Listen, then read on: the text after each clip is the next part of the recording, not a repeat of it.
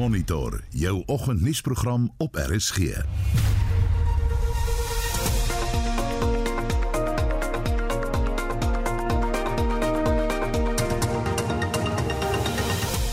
Afrit oor 7 in die tweede helfte van Monitor. Vroue is bang om openbare vervoer te gebruik. Hy het nie links gedraai nie, hy was op pad sparkie met my. En toe sê ek vir hom, ek, ek het baie ongemaklik gevoel en ek het vir hom gesê nee, uh, jy moet nou links draai want dit is waar my huis is. En toe het hy my gevra of daar iemand is wat vir my by die huis wag. Brittanje se koning Elisabeth vier 70 jaar op die troon en Pieter van der Berg bespreek die naweek se sport. Baie welkom by Monitor. Ek is Anita Visser.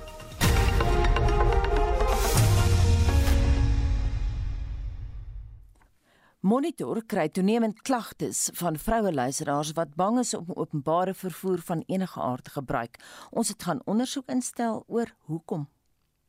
Ek het laat gewerk, ek wou nie terugbestuur nie, ek is nagblind. So ek het 'n gekry wat vir my vreemd was toe ek in die geklim het. Het hy vir my gevra of ek bestel het of het iemand dit vir my bestel. Ek het gesê ek het dit self bestel en, en ja, dit was my vraag van ontvanpaste vraag. Intussen is op pad na my huis toe in Melville en by die eerste straat waar jy links draai na my huis toe, het hy verbygery. Maar ek weet jy kan op die tweede straat ook links draai. Hy het nie links gedraai nie, hy was op pad sparkie met my. En toe sê ek vir hom, ek, ek het baie ongemaklik gevoel en ek het hom gesê nee, uh, jy moet nou links draai want dit is waar my huis is. En toe het hy my gevra of daar iemand is wat vir my by die huis wag. Nou gelukkig kon ek op my voete dink want daar was nie 'n druppel drank by betrokke nie en ek het vir hom gesê my man wag vir my by die huis en ek en hy het 'n reëling dat ek altyd 'n screenshot neem van die registrasienommer en die bestuurder se naam wat natuurlik nou nie die waarheid is nie maar daar kon ek vinnig dink en hy het my by my huis afgelaai hy het nie soos gewoonlik wat hulle wag om te kyk of jy veilig in jou huis is vir my gewag nie hy het net weggespin En ek het gedink die regte ding om te doen is om die man aan te gee. Ek kan hom seker nog steeds aangee want dit sal op my e-pos wees die strokie wat ek tyd ek die man gekry het, wat sy naam is, wat sy registrasienommer is. Maar as jy dit net my teen dit adviseer, sy het gesê die man weet waar jy bly. So los dit liewer. Die naam van die aanlyn vervoerdiens is uitgebleep omdat Monitor nie die hoof van die diens vir sy kommentaar kon opspoor nie. Ander soortgelyke dienste kom egter ook onderskoot. Maar net was 'n Vrydagmiddag en ons het 'n klomp vriendinne gaan uiteet in Melville en net voor 8 het ek 'n Uber gekry om huis toe te vat. En ek het ingeklim. Ek gebruik ontsettend, of ek het ontsettend baie Uber gebruik in my lewe met my kinders ook as ek hulle nie iewers heen kan vat nie wat ek al. So ek het nie twee keer gedink om voorlangs jou in te klim nie en ek het um, ek het was altyd baie vriendelik met die oorbestuurders want ek stel belang in mense. So ek het altyd gevra van waar is jy en jy weet ek gesels jy altyd mm. en dit was maar altyd baie interessant om te hoor uit watter lande in Afrika kom die mense. En ehm um, die betrokke man het my gesê van Somalië en sy familie is in Somalië en hy is oorbestuurder. Ons het toe deur Melville gery my van 'n gery my bietjie onseën het. Ek het voorlangs om gesit en my hand was op die vloer met my selfoon in en skielik het hy aan my been gevat en my been begin vryf. Dit was nou al donker geweest en ek het ek weet nie dit het net vir my op daai oomblik het ek dit ook styf geword en ek net gedink hierdie is baie vreemde gedrag want my ander ervarings met Uber wat ek gehad het was nog net fantasties. Ek het vinnig gery en ek het op staan gedink uit my been gevryf en ek het op 'n stadium gedink ek moet uit die kar spring. Maar ek het ook besef om my handsak te gryp net nou ja geweg met my handsak. Ek staan langs die pad. Dit was net die oomblik het my oorweldig en ek het gelukkig genadiglik net rustig gelees en hom gesê hy moet baie mooi dink aan wat hy nou doen want dit gaan nie vir hom moeite werd wees nie. Dit gaan om hier te staan kom en ek het talle met hom gepraat gebrineer en hom gesê dan moet twee keer dink. Dit is nie wat ook al hy dink hy doen is nie reg nie en daar gaan nagevolge wees. Toe verstaan met hy net sy hand van my been afgehaal en verskriklik vinnig huis toe gejaag en my ek bly gelukkig in 'n kompleks. Hy het my voor die kompleks afgelaai so hy weet nie wat se nommer ek bly nie. Maar dan het hy sê toe ek in die huis instap as my dogter daar en ek is toe nou redelik ontstel en sy het onmiddellik gesê ons moet 'n klag lê by Uber. Hulle was ongelooflik, Uber. Hulle het my onmiddellik teruggekontak vir my gevra of ek 'n klag by die polisie wil gaan lê of vra of ek alright is. Hulle het my die aand geding en gesê hulle weet presies wie my bestuurder was en hy mag nie meer vir hulle bestuur nie. Hulle het ook vir my volgende dag 'n e-pos gestuur en gevra of ek oukei is en my verseker dat die man nie weer vir Uber sal bestuur nie. Ons bly 'n gevaarlike land en jy kan te gerus wees. Deesdae as ek in Uber klim, klim ek agterin. Verkieslik Uber ek saam met mense en ek Uber baie minder. Ek dink twee keer voor ek Uber, maar dit was 'n uh, van die honderde kere wat ek geoewer het, was hierdie nou die die een uitsondering wat my gered het. Uber se hoofbestuurder in Sub-Sahara Afrika, Frans Hemstra, het vanuit Lagos vriendelik toegestem tot 'n onderhoud en dit duidelik gestel dat sy maatskappy vaste riglyne daar gestel het juis om geweld teen vroue te keer. Ons het 'n aantal prosesse in plek wat ons bestuurders moet deurgaan voordat hulle toegang tot die app kan kry. Eerste is hulle moet 'n geldige professionele bestuurspermit hê. Hulle doen 'n criminal background check wat gedoen word deur 'n derde party en dan is daar klomp ander regulasies soos 'n dubbel lisensie skuif, 'n bewys van kommersiële versekerings, padwaardigheidssertifikaat, bedryfspermit, etc. En dan doen hulle 'n derde party bestuursevaluasie toets. Nou dit is die standaard vettingproses wat hulle deurgaan. En dan het ons klomp ander goeders in plek. Ons het ons gemeenskapsriglyne en hierdie riglyne kan mens deur die app sien of op ons webwerf sien en hierdie riglyne is van toepassing op drywers en op ons passasiers. En hierso is die, die belangrike goed is diskriminasie, seksuele aanranding, seksuele vangedrag van enige aard is verbode en hierdie tipe gedrag kan lei tot onmiddellike deaktivering van enige gebruiker. Veiligheidsmaatreëls wat ons in plek het of features soos ons dit noem, is 'n uh, in-app noodknoppie, dit is gekoppel aan nooddienste. Ons het ride check. Nou ride check is as daar 'n uh, onbeplande stop op die hoofweg is, sal ons veiligheidsspan onmiddellik 'n oproep maak aan die passasier of die drywer om te sien alles of alles oukei is. Ons het trusted contact voordat mense op die trip kom, kan mens vir 'n geliefde jou jou trip share, dan kan hulle jou watch op die app en dan werk ons baie naby aan wetstoepassers en ons help hulle om enige insidente te ondersoek. Ons het ook 'n vennootskap met NISA. Nou hierdie is baie belangrik. NISA is die Instituut vir Vroue Ontwikkeling en hulle het ons gehelp om 'n om 'n program te bou, opvoedingsprogram vir drywers spesifiek oor antiseksuele teistering. Elke drywer moet deur daai opvoeding gegaan het. Ons hoop dat die platform so veilig as moontlik kan wees vir vroue passasiers en manspassasiers. Maar dis nie net aanlyn vervoerdienste wat gevaarlik kan wees nie. Een 26-jarige vrou van Johannesburg wat nie geïdentifiseer wil word nie weens vrees vir intimidasie, het vroeër vanjaar 'n nag met die rit van haar werk af huis toe ervaar. Die oggend van die 23ste Januarie, dit was op 'n Sondag, het ek afgeloop by die werk 7 uur die oggend en ek het my taxi op die normale plek gekry by die stop af in die pad van my werk af waar ek die taxi gewoonlik kry. Die spesifieke taxi het gekom, ek het opgetel dat daar niemand in die taxi is nie en dit het besluit het om voor te sit. Ek het ingeklim en die drywer het my gegroet en alles, ek het hom teruggegroet en dit toe ek nou optel dat hy besig is om op 'n baie hoë spoed te ry. Ek het agtergekom maar ek het net gesit en ek het gedog dis maar nou seker hoe hy ry. Dis toe waar hy nou sy hemp en sy broek uit begin haal het. Ek wou hom gesê het hy moet stop laat ek hier kan afklim maar iets het vir my gesê ek moet staan bly. Dis toe hy nou om band begin by roos los maak het en toe ek dit agtergekom het en toe jump ek uit die taxi uit wat op 'n baie was goed gery het. Gelukkig het daar nog 'n taxi agterna aangekom soos ek geval het, kon ek opgestaan het, maar ek was bietjie baie busy in my kop en ek het my wy gemaak na die taxi toe. Hulle het my oopgemaak, ek het ingeklim en ek het gesê hy wil my wy. Hy het toe weer na die taxi toe gekom waar ek ingeklim het. Ek weet nie wat dit is vir die um, drywer gesê nie, maar die drywer het hom gesê hy moet die deur toe maak en hy moet gaan. En dis toe ek nou ry en hulle het my huis toe gebring en toe ek by die huis kom toe maak ons net klaar dat ek kan hospitaal toe gaan om te gaan kyk hoe eers is my wonde. Ek het nie 'n nummerplate gekry nie, ek wou net na safety toe kom. Waar het jy in Johannesburg uitgespring op watter pad? Ek het hier seker op watter pad ek uitgespring het. Die pad het gewoonlik die Emerentia taxi wat Randolph toe beweeg. Iewers op een van die paaie. Ek kan net nie onthou by watter pad was dit nie, maar ek weet ek het voor dit was net na die checkers wat ons gewoonlik verby ry. Dit is waar ek gespring het. Ek het nie presies gekyk waar ek was nie. Hoe erg was jou beserings toe gewees? Dit is erg my kop het bietjie seer gekry. Die vel van my skaal het bietjie afgekom, maar ek het nie like hierdie kopseering so gedoen nie. Ek het paar stitches van kry en dan het ek net paar wonde op my tone, op my enkels en my een vinger.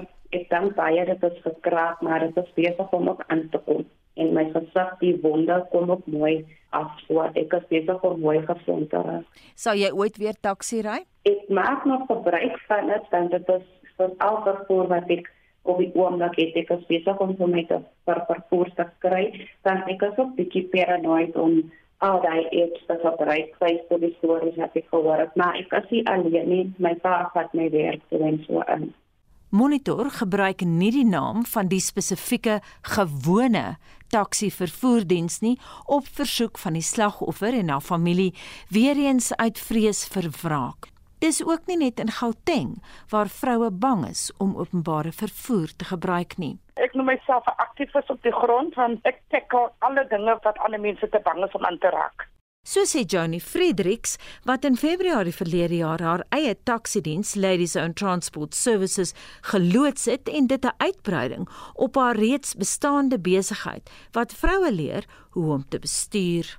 Ek myself het drie keer in my lewe verkrag en 'n uh, gelukkige goeie paar jaar gelede en die laaste keer was op 'n public transport. Dis nou 26 jaar gelede. En toe ek nou begin 'n driving schools doen en ek hoor altyd op praat die vroumense van hoe bevrees is hulle om te ry. Op 'n stadium moes ek my vroue kliënte gaan optel om te kom na die driving lessons toe. Toe vind ek uit maar die onveiligheid is 'n ding wat tog al die jare aangaan. Met die gevolg is dat al meer mense met vertel het van persone wat hulle gehad het. En uh, toe een van my goeie vriendinne vir my sê dat sy amper verkragt was, toe besluit ek not te jou nie 'n oomblik later ek moet onmiddellik begin want ek moet vir jou sê dit was altyd aan my agterkop om iets te begin vir vrouens. Wat ek besluit ek kan op 'n langer dag ek moet onmiddellik iets begin. Vir my het dit onmiddellik die herinneringe teruggebring 25 26 jaar gelede toe ek verkragt was. En die feit dat government of corporate niks gedoen het in die 26 jaar om enigiets in plek te sit om vrouens veilig te hou op transport hê. En dit sê vir my dat aan die einde van die dag is die mense as government meer gefokus op geld as wat hulle gefokus op die veiligheid van vrouens. Hulle doen nie eers die basics om te sorg dat hulle bloody drivers nie perpetrators is. Op die stadium met ek een seat wat ek gebruik. Ek het so 'n vaste roete wat ek gebruik vir sê byvoorbeeld die Wynberg route en om die ander mense te kan help sodat ek nog moet voertuie bykry. Ek kry verskriklik baie versoeke groepe vrouens wat in dieselfde gebiede werk en in dieselfde gebiede woon wat saam travel na 'n werksplek toe en weer saam travel van die werk af huis toe. So daai noem ons 'n roete. As mense byvoorbeeld almal Kaapse kant toe werk, dan kan ons hulle almal saam in die transport sit en hulle is dan saam in hulle roete. Maar op die oomblik is die versoeke van all over the show Mense wil Stellenbosch toe gaan, mense wil university toe gaan, mense wil sensory city toe gaan, hulle wil Kaap toe gaan en ongelukkig het ek nie die capacity om al die mense met op al die different routes te help. He. Ek probeer werk aan 'n plan dat ek meer mense kan help en ek weet die beste plan sal wees obviously om meer voertuie in die hande te kry, maar die probleem is dat ladies own a cash business. Ek het begin met niks so. Elke ding wat ek doen, doen ek maar uit my sak uit. Johnny Fredericks is nie al een wat haar lewenstaak wy aan die beveiliging van vroue nie. Een van Suid-Afrika se voorste aktiviste vir vroue se regte is Lisa Wetten, wat aan beide die universiteite van Wits en Johannesburg verbonde is.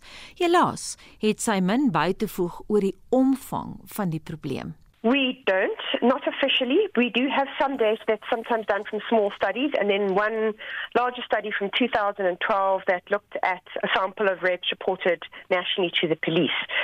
So what we have is really very, very little and quite out. Why? Because these studies are typically expensive. We must bear in mind that the police, when they gather statistics, they're collecting them for crime control functions. They're not doing research. And their systems are set up really to be administrative and to count the number of crimes they receive. So either the police have to go and do the research, and you know they're not researchers. So if researchers want to do this, it becomes a very difficult process because you have to apply for permission, and that can be very time consuming. And secondly, somebody has to fund this. Maar hoekom fundeer die privaat sektor dan die navorsing oor die spesifieke soort geweld teenoor vroue nie? As a researcher, it is deeply concerning because it means so much of our policy So much of our legislation is based on people's opinions rather than any kind of evidence. And as worrying, it tends to be based on whatever makes the news. As a journalist, you'll know that journalists don't cover every single incident that happens. There's a tendency to focus on those that are, say, the most dramatic or the most unusual, and those that are going to capture public attention. And those are not representative of the vast majority of cases. So again, we sit with a situation where we tend to make interventions around the exception rather than necessarily the rule. So it means we don't do a good job of trying to design things that are effective because we don't actually understand what the problem is. Ja, daardie pakkie het ons verlede week saamgestel. Die laaste woord daar is gespreek deur Lisa Wetten. Jy luister na Monitor elke weekoggend tussen 6 en 8. Die hoofnuus gebeure president Cyril Ramaphosa word gevra om die aanstelling van 'n hoofregter te vertraag sodat beweringe teen kandidaate eers ondersoek kan word. Die terreurverhoor van die Tulse tweeling sal na verwagting na 5 jaar se vertragings vandag in die Hooggeregshof in Johannesburg begin. En minstens 10 mense is dood en bykans 50 000 ontwortel nadat 'n sikloon Madagaskar tref. Daar is geen verkeer. In Johannesburg op die N1 Suid, net voor Malibongwe Rylaan was daar 'n multivoertuigbotsing. Dit is in die linkerbaan en dit uh, veroorsaak verkeersvertragings. Dan op die N1 Suid uh, is daar ook uh, stadige verkeer tussen die ou Johannesburgpad en New Road. En op die R21 Noord is daar stadige verkeer net voor die Vreende Pieringwisselaar. Dit is as gevolg van padwerk. In Akasia is daar druk verkeer op die R80 Mabopane snelweg. Dit is nou van Britsweg tot by die Haarnaal draai. En dan in Kaapstad het ons uh, voertuig wat staan op die N2 stad in net na die N2 M3 wisselaar. Lyk my hy staan in die regterbaan. En daar is ook dan uh, stadige verkeer op die N7 suid na die uh, afrit na die N1 stad in. Stuur enige verkeersnuus na 45889 teen R1.50 per SMS. En van daai SMS'e gepraat, kom ons gee die vloer vir Marlenae. Ons praat vanoggend oor onderwys kwessies met die dat leerders vandag almal terug is in die klasse waar dit nou nog nie die geval was nie. Ons het vroeër gehoor van onderwysers wat gesê het hulle is opgewonde daaroor om leerders terug te hê en veral om hy gevoel van samehorigheid onder leerders weer te vestig. Ehm Renita Groblaar sê op Facebook dis baie baie goed dat al die leerders elke dag by die skool is. Hierdie sosiale afstand was sommer 'n klug van die begin af. Hulle klim uit oor vol taksies uit, drom saam om na selfone te kyk, deel kos en dan moet hulle nou klas toe gaan en 1 meter van mekaar af sit met 'n masker op en dan eindig sy daardie gedagte van na deur te sê hierdie hele storie was sommer net belaglik.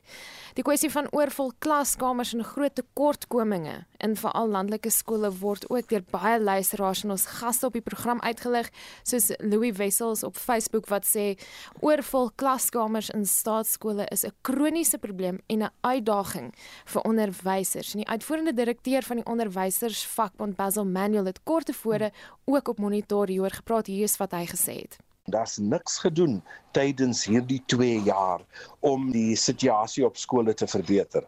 Ons kon daar meer gedoen het met die infrastruktuur. Ons kon meer gedoen het met onderwysaanstellings en so voort. Maar ons is ook bly dat die minister self gesê het dat sy nou uitgereik het na kabinet om te sien dat die hele kwessie van infrastruktuur 'n spesiale projek gemaak word. So wat dink jy? Is veral ons staatskole gereed vir die volle terugkeer van leerders? En voordat ons uh, amper daai SMS nommers weer vir jou gee, kry ons ook heelwat terugvoer op Anita se bydrae vroeër oor seksuele geweld en tuistering um, in vervoerdienste met taksies en so in die land. Is iemand wat skryf ek sal nooit 'n taxi ry nie ehm um, dan weet hulle waar bly jy en wie sê jy kom ooit uit daardie taxi uit. Dit is moeilikheid soek. Dis een van ons luisteraars wat so skryf. En dan ook iemand wat praat oor hierdie aanlyn toepassings en sê gaan dit nie gebruik nie. Dis baie erg. Hulle bestuur nie op standaard nie. Nou jy kan daai onderhoud weer op pot gooi gaan luister as jy hom gemis het. Kan ook intussen eh, vir oulaas met ons gesels. Jy kan 'n SMS stuur na 45889. Dit gaan R1.50 kos. Kan saam praat op Facebookblad of stuur vir ons 'n stemnota 07 736 jy luister na monitor ons kyk na oorsig van die naweek se sport en praat met Pieter van der Berg. Goeiemôre. Môre sê Anita. Pieter Vrydag het jy genoem dat dieselfde Suid-Afrikaanse rugbyspanne wat nou verlede naweek in aksie was, weer kragte gemeet het. Ja, Anita, dis natuurlik in die Verenigde Rugby Kampioenskap. Nou uh verlede week het uh, die Sharks en die Stormers met 22 punte elk gelyk opgespeel. Saterdag was die Stormers se verdediging uitmuntend geweest en uh hulle het die Sharks geklop met 20-10 en dit beteken die Stormers se 2-3 teenoor 1 het vir hulle natuurlik uh, daardie verskil van 10 punte gegee.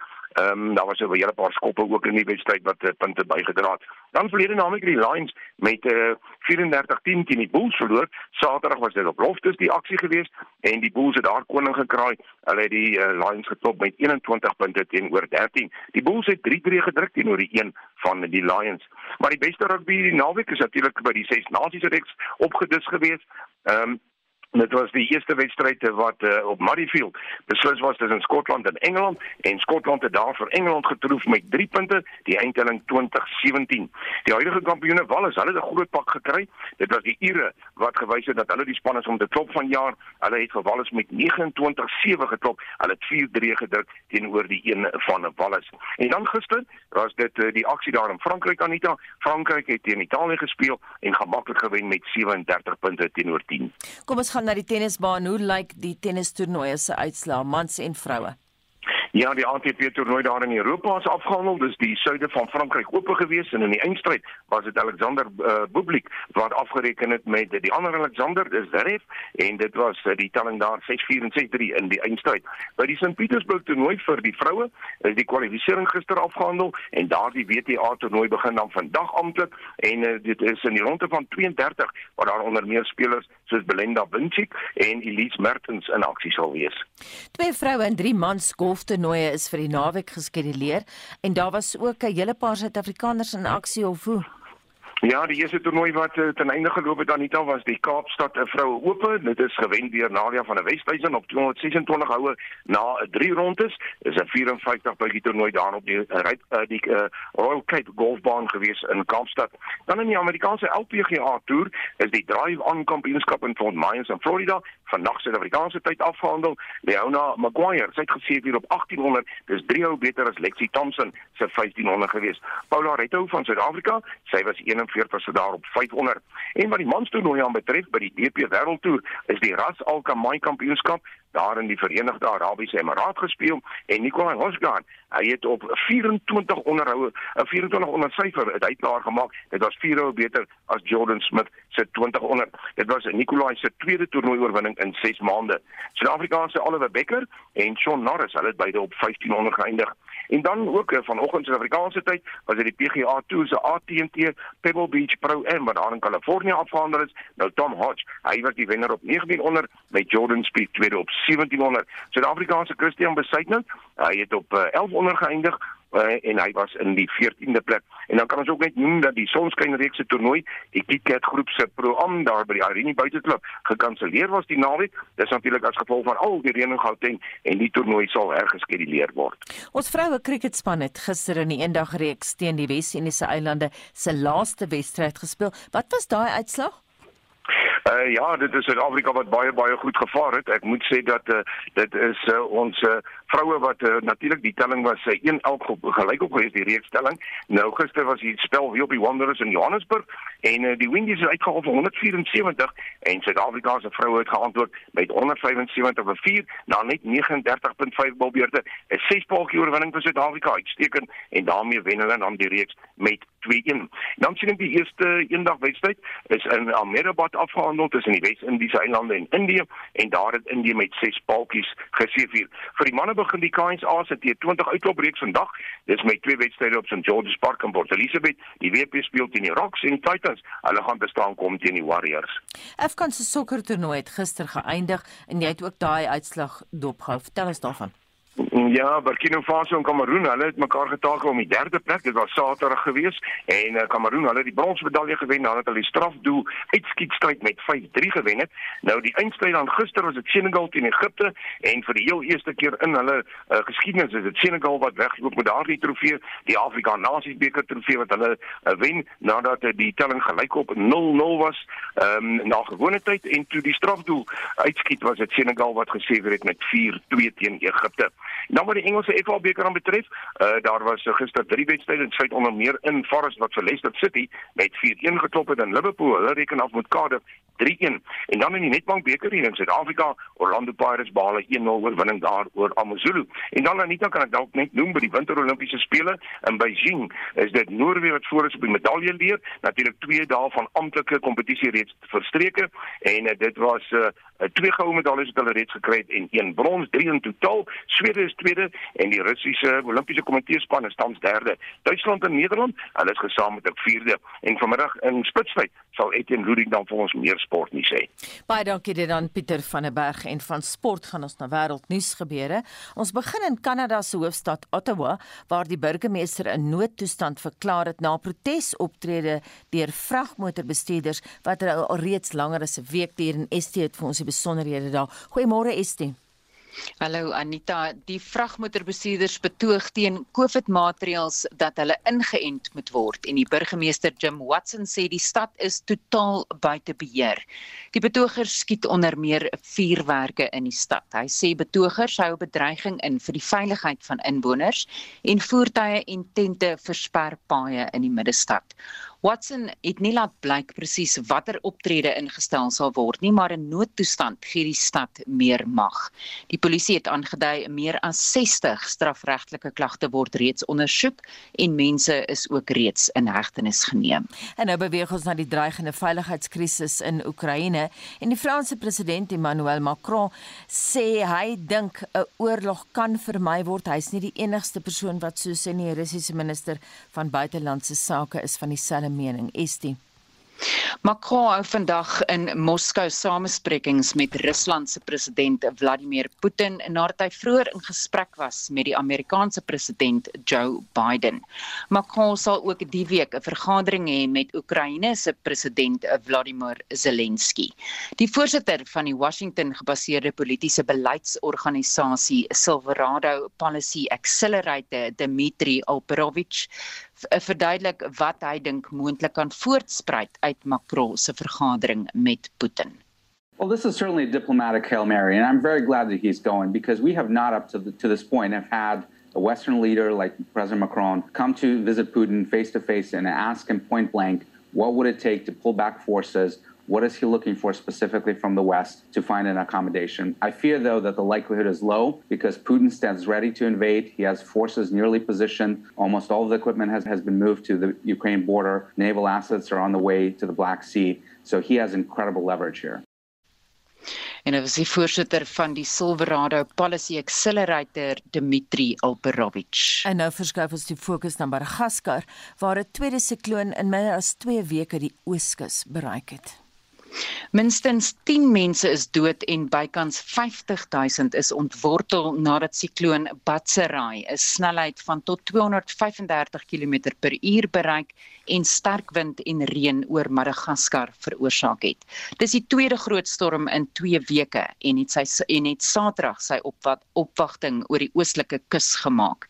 Die sikloon het verswak wat reddingswerkers toegelaat het om deur dorpies te begin soek vir mense wat moontlik vasgekeer is. Hier is van die oorlewendes.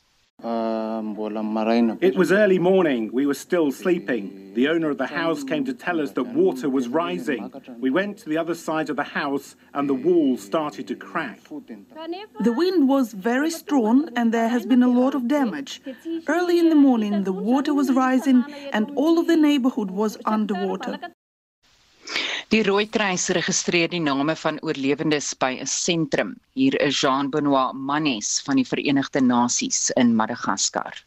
What we see now is that 50,000 people are considered uh, displaced, and we estimate that up to 150,000 people will be directly affected by the cyclone. Verlede maand is 55 sterftes aangemeld nadat sikloon Anna verwoesting op die eiland gesaai het en Anna het ook 'n pad van verwoesting in Mosambiek en in Malawi agtergelaat. En nou nuus oor die Britse koninklike familie en nee, dis nie die keer prins Andrew nie. Ons gaan na Sandringham in uh, Engeland waar die Britse koningin na haar planne vir haar platinum jubileum vieringe saam met haar privaat sekretaris Edward Young hersien. Sy vier 70 jaar op die troon en dit maak haar Brittanje se langs ehm um, nie regerende nie maar die die die monarg wat die langste in die stoel was.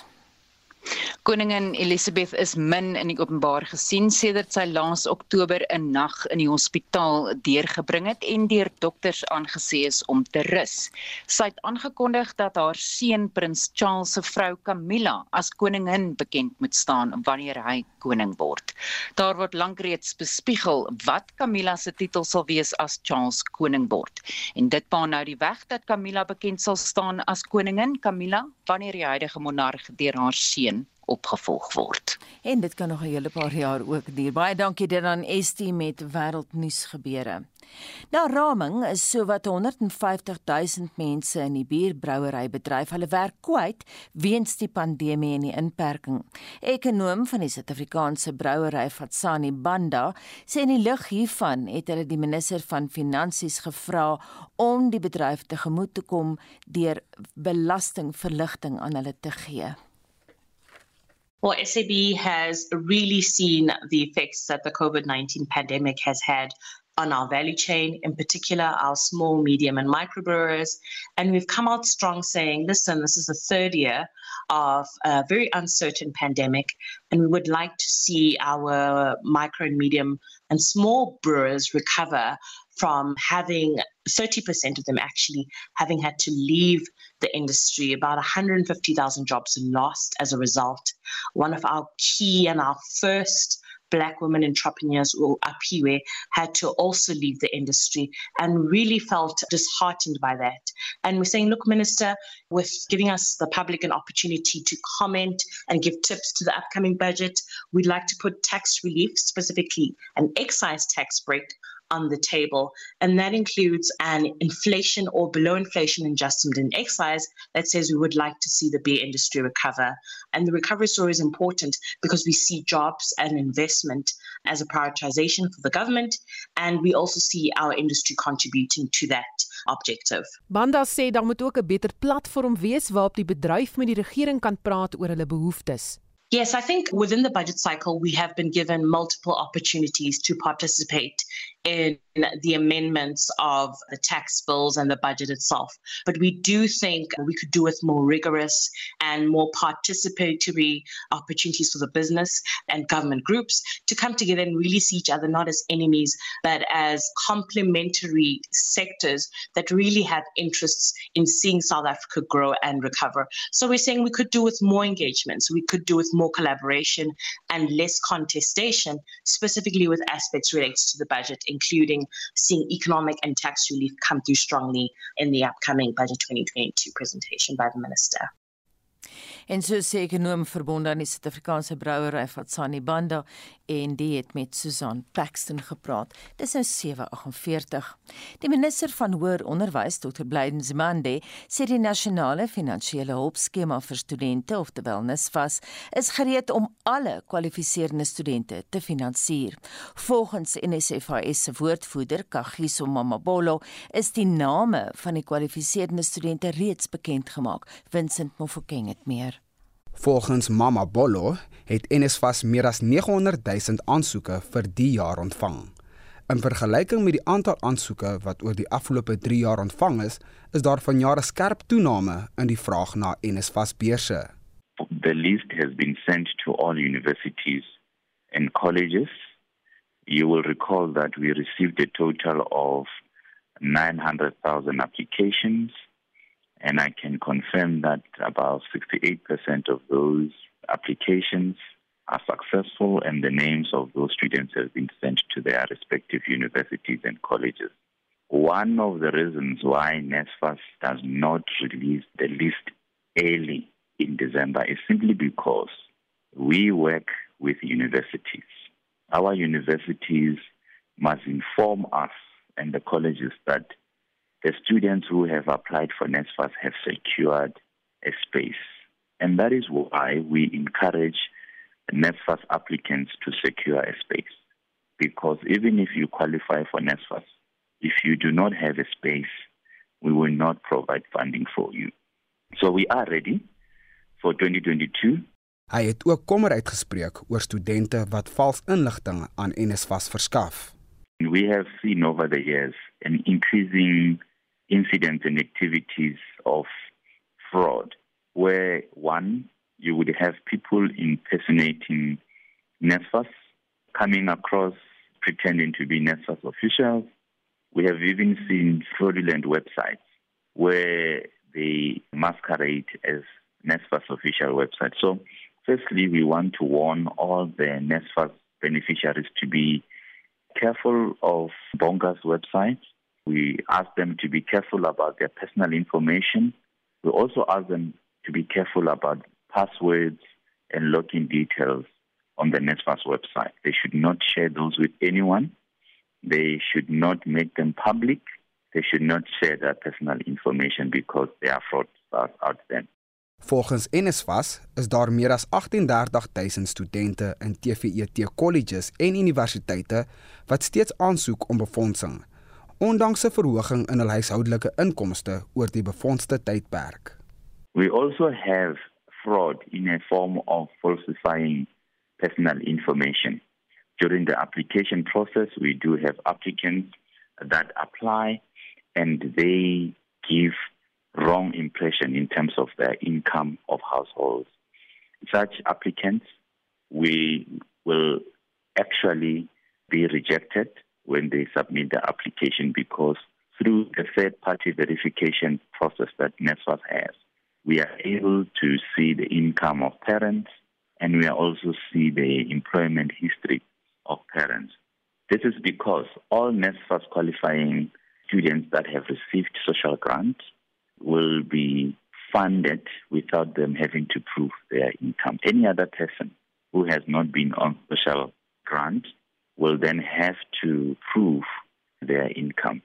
Intussen sê Mama Bolo dat studente wie se aansoeke om befondsing onsuksesvol was, die geleentheid sal hê om appel aan te teken. The appeal process for all the students who not successful with the application is open. The appeal process is simple. All the first entering students or the first applicant students for NSFAS, also returning students who did not study through NSFAS in the past but have applied and were rejected, are encouraged to submit their appeals on the NSFAS website starting from today. Appeal window is for 30 days from the day which you receive the unsuccessful message from NSFAS. When you submit your appeal, you should provide necessary documentation that advises NSFAS on your change in circumstances, which mainly could be the change in your financial income of uh, parents or change in your academic progress. Dit was NSFAS se woordvoerder, Kagisho Mamabolo. Ek is Vincent Mufokeng vir SAI Garnis. Daar is geen verkeer. Was 'n botsing op die N1 suid net voor die Bekloo wisselaar, die linkerbaan gesluit op 'n paar voertuie wat daar betrokke is. Dan is daar verskeie verskeie verskeie verkeersvertragings. Uh in Bryanston is daar 'n halfuur vertraging op William Nicol tussen Main Road en Homestead. Blyk my die hele William Nicol rylaan se verkeersligte is buite werking, so dit veroorsaak enorme verkeersvertragings. In Montana derde poort is daar ook 'n halfuur vertraging tussen Sefako Makgato rylaan. Dit is nou tussen Enkeldoorn en Kameelfontein. En in Irene is daar ook 'n uh, vertragings van omtrent 'n halfuur op Nelmapius rylaan tussen die R21 en Main Road en dan in Acacia is daar druk verkeer op 'n Britsweg tussen Sallystraat en die R80. In KwaZulu-Natal daar was 'n uh, vragmotor wat sy vrag verloor het op die N3 Wes net na Chatterton weg. Die linkerbaan is geheel en al gesluit. En onthou in Kaapstad is daar maar net 'n uh, druk verkeer op die R300 Noord en op die N7 Suid. Ek dink dit is jou verkeer op monitor vanoggend. Maar die laaste woord moet nog gespreek word, die laaste paar woorde en nou gee ons die vloer weer eens aan Marlenae. Geef ons daai SMS terugvoering. Anita Jilbertay mense praat saam oor daai storie wat jy gedoen het oor seksuele teistering en aanranding in openbare vervoer op aanlyn vervoerdienste. Lorraine skryf uit Capital Park in Pretoria, dames wat van openbare vervoer gebruik maak, moet aan dink om van die klein blikkies pepersproei by hulle te hou in hulle hand of in die baadjie sak en sy sê die kleintjies is nie so duur nie. So ek dink sy weet hier waarvan sy praat, maar dit is ook nie net vroue wat onveilig voel nie. So van tyd tot tyd dan moet ek myself gebruik maak van uh, saamry geleenthede en omtrent 70-75% van die kere kry ek lift saam met taksies en nou gedurende lockdown en alles is ongelooflik hoe om te sien as jy in 'n taxi inklim hoeveel mense sonder masker sit in hy taxi. Dit is moeilik om iemand te vertrou. Ek meen ek is 'n man, maar ek is ook maar vreeslik bang om gebruik te maak van enige saamry geleenthede, maar baie keer noodgedwonge dan moet 'n ou nou maar gebruik maak van dit. Maar ja, ek wil dit vir almal sê daar buite versigtig wees, veilig wees, matigheid verhoog. En dan die laaste terugvoer wat ons daar ontvang het van luisteraars op WhatsApp. Dankie dat jy saamgesels het vanoggend. Ons maak môre weer so. Is die blits van 'n gedagboek vir Spectrum. Die Helen Suzman Stichting dreig om hof toe te gaan om die regtelike dienskommissie te dwing om nuwe onderhoud onderhoude te hou vir die posisie van hoofregter. Die Life Isidimeni geregtelike doodsondersoek verhoor het hier voort en president Ramaphosa lewer, lewer donderdag sy staansrede en ons begin kyk wat wat ons moontlik kan verwag. Ons groet namens ons uitvoerende regisseur Nicoline de Wee, die man in die warm stoel vanoggend, Wesop Pretoria, ons tegniese regisseur Evert Snyman en my naam is Anita Visser. SAK nuus. Onafhanklik, onpartydig.